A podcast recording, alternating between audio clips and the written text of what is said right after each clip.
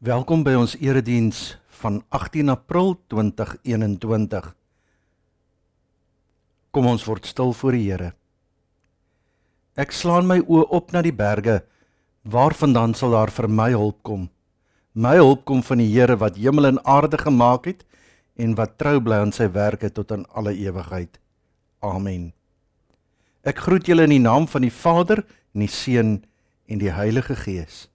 Kom ons bid saam. Here, dankie dat ons kan weet dat U altyd by ons is.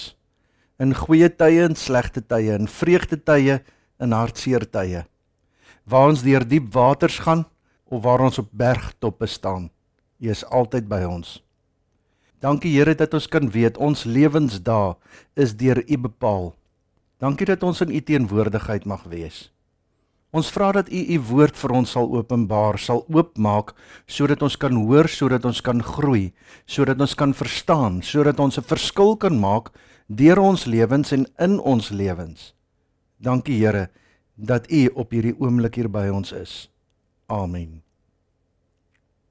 Ons lees uit Johannes 20 van vers 26 af en ek lees uit die 2020 vertaling. Ag daar later was sy disippels weer binne en Thomas saam met hulle. Terwyl die deure gesluit was, het Jesus gekom en in hulle midde gaan staan en gesê: "Vrede vir julle." Daarna sê hy vir Thomas: "Bring jou vinger hier en kyk na my hande en bring jou hand en steek dit in my sy en moenie langer ongelowig wees nie, maar gelowig." Thomas het vir hom gesê: "My Here en my God." Toe sê Jesus vir hom: "Glo jy omdat jy my gesien het? Gelukkig is hulle wat nie gesien het nie en tog tot geloof gekom het. Jesus het nog baie ander tekens voor sy disippels gedoen wat nie in hierdie boekrol geskryf staan nie. Hierdie dinge is egter neergeskryf sodat julle kan glo dat Jesus die Christus is, die seun van God, en dat julle deur te glo die lewe in sy naam kan hê. Tot sover. In Johannes se tyd was dit baie moeilik vir mense om te verstaan dat God na die mens toe gekom het in die gestalte van 'n mens. Met ander woorde dat Jesus as God ook 'n mens kon wees. Vandag nog worstel baie mense met hierdie feit. Johannes verduidelik dit soos volg in Johannes 1 vers 1 tot 3.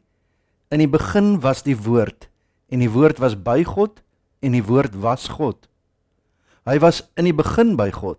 Alles het deur hom ontstaan en sonder hom het selfs nie een ding wat bestaan ontstaan nie. Hier koppel Johannes vir Jesus direk aan die skepping. Hy het nie eers bestaan en ontstaan by sy menslike geboorte nie. Hy was nog altyd God. En in 1 Johannes 1 vers 1 sê hy wat van die begin af was, wat ons gehoor het, wat ons met ons oë gesien het, wat ons aandagtig bekyk het en wat ons hande aangeraak het aangaande die woord van die lewe, dit verkondig ons aan julle. Die wyse waarop Johannes in die Johannes Evangelie dan verder bewys dat Jesus ware mens, maar ook ware God was, was om van 'n aantal wonderwerke van Jesus te vertel. Die wonderwerke van hierdie man Jesus vertel dat Jesus ook waarlik God was. Daarom dat Johannes hier in Johannes 20 vers 30 tot 31 sê Jesus het nog baie ander tekens vir sy disippels gedoen wat nie in hierdie boekrol geskryf staan nie. Hierdie dinge is egter neergeskryf sodat jy kan glo dat Jesus die Christus is, die seun van God en dat jy deur te glo die lewe in sy naam kan hê. Of anders gesê, Johannes sê hy vertel die dinge wat tot geloof sal lei, wat mense sal bring by 'n punt waar hulle sê ek glo, ek wil hom volg want hy is die Christus, die verlosser. Ek wil vanoggend dieselfde strategie as Johannes volg. Kom ons veronderstel dat Johannes aan ons 'n aanbieding kom doen, hoekom ons in en aan Jesus as verlosser moet glo en hoekom ons hom as verlosser moet aanvaar. Johannes se aanbieding verloop dan soos volg: Kom ek vertel julle wie Jesus is. In eerstens wys hy vir ons kruike. My storie begin met die gebeure by die bruilof in Kana. Die wyn was op en dit was 'n groot sosiale verleentheid. Maar toe Jesus die woord gespreek het, het water wyn geword. Die gasheer het dit sien gebeur. Hierdie man is so magtig dat hy water in wyn kan verander of eerder deurdat hy water in goeie wyn kan verander. Kan 'n gewone mens dit doen? Dan roep Johannes 'n Romeinse offisier nader.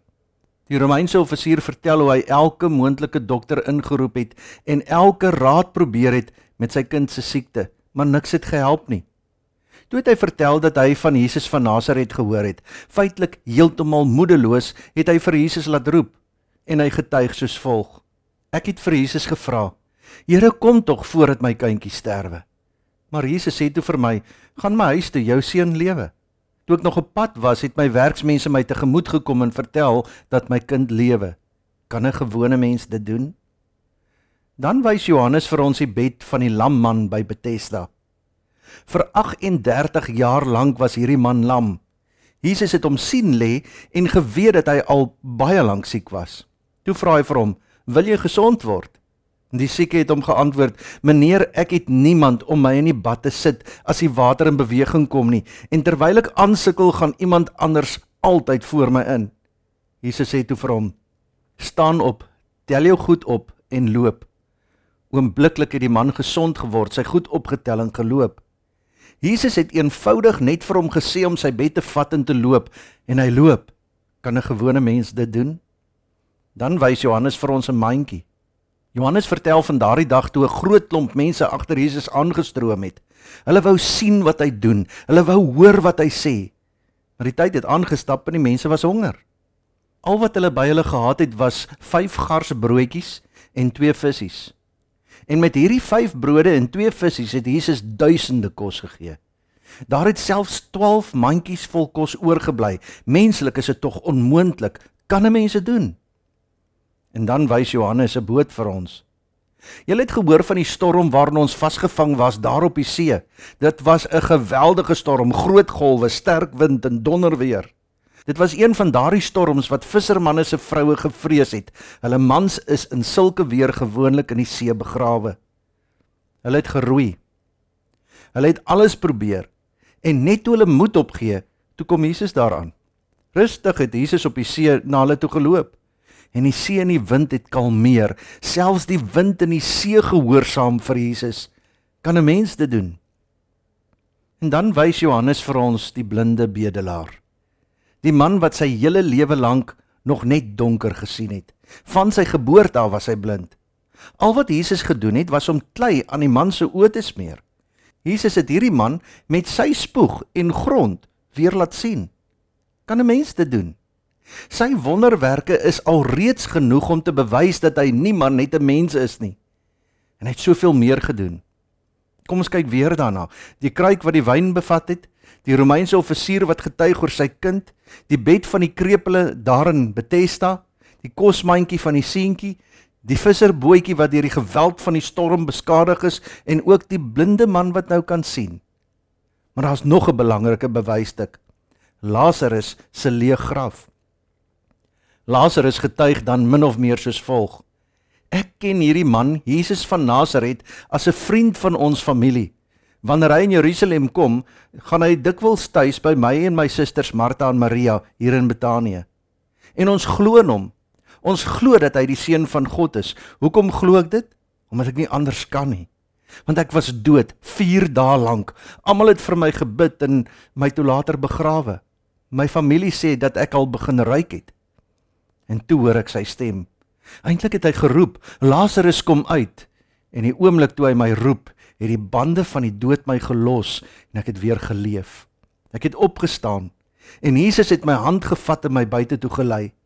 En kyk, hier is ek. Ek leef al was ek dood. Hierdie man Jesus het dit vir my gedoen. En weet julle wat? Jesus is ook jou verlosser. Jesus wil vir jou doen wat hy ook in hierdie wonderwerke gedoen het. Die kruik, soos die bruilofgaste wat nie wyn gehad het nie en dus geen rede gehad het om fees te vier nie, het baie wat hierdie woorde hoor ook geen rede om fees te vier nie, want hy of sy dors na die lewe, maar vind dit nie in hierdie wêreld nie. Jesus sê, ek sal jou dors les, want ek is die fontein van lewe. By my sal jy nooit weer dors nie. Ons sien die Romeinse offisier, soos die offisier se seun, is baie mense wat hierdie woorde hoor, ook geestelik siek. Jy's besig om te sterf deur al jou sonde. Daar is geen sin in jou lewe as jy net uitgelewer aan hierdie wrede wêreld probeer oorleef nie. Jesus sê, Ek sal jou lewe weer sin gee. Die bed van die lam man.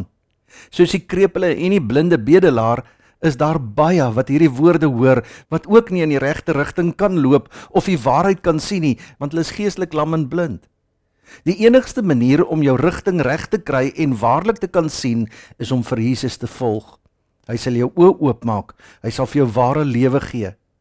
Op hierdie stadium dink jy dalk dat jy waarlik lewe, maar as Jesus jou aanraak, sal jy die lewe in sy volheid kan ervaar. Die mandjies. Die wêreld sorg net vir homself. Die wêreld verryk homself en so gaan hulle geestelik dood van die honger. Jesus sê, "By my sal jy die brood van die lewe kry en nooit weer honger word nie, want jy sal tevrede wees met die beker wat ek vir jou laat oorloop." Jy sal soveel kry dat jy sal aanhou uitdeel en self nooit tekort hê nie. En dan die vissersbootjie. Ja, mense beland ook in geweldige storms van die lewe en in onsself het ons nie die krag om hierdie lewensstorms baas te raak nie. Jesus sê: As jy my kind is, sal jou grootste storms bedaar as hulle my stem hoor. Lazarus se leë graf. Sonder Jesus is jy dood, want dan het jy nog nie die ware lewe ontdek nie. Jesus sê as jy my kind is, dan roep ek jou uit die geestelike graf en jy sal ten volle kan lewe. Jesus gee al hierdie dinge vir ons, maar jy word nie gedwing om daaruit te lewe nie. Jy moet dit wil hê. Johannes vertel vir ons hierdie dinge wat hy beleef en gesien het oor Jesus.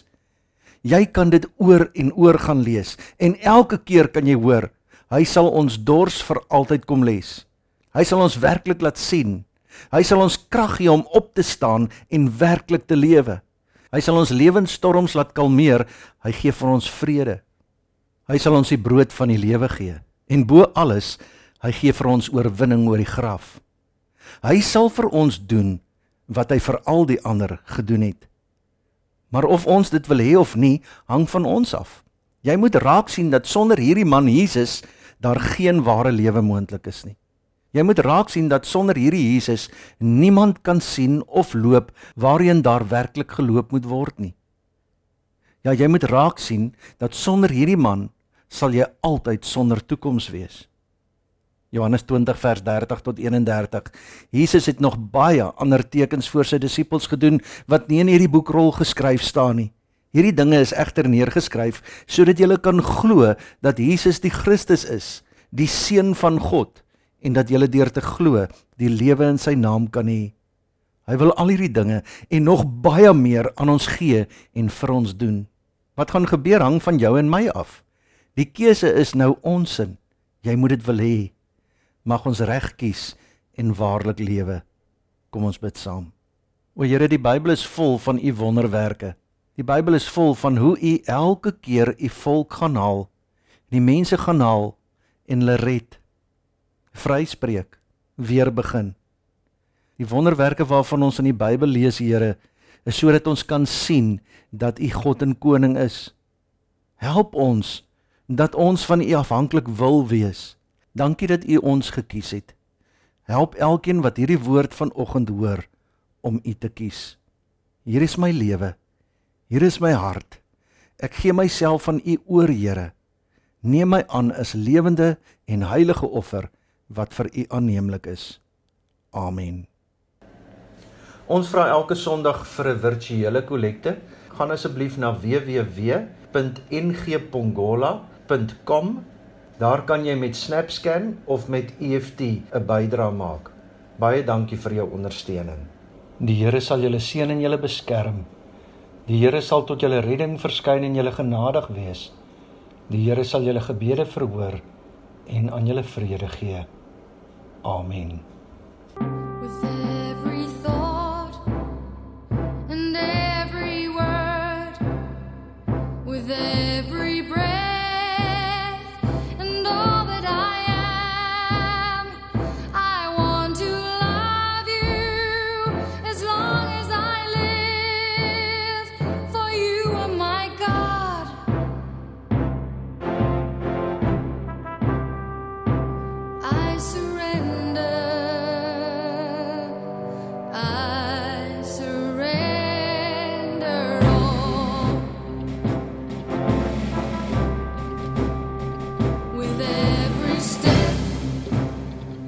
In every plan with every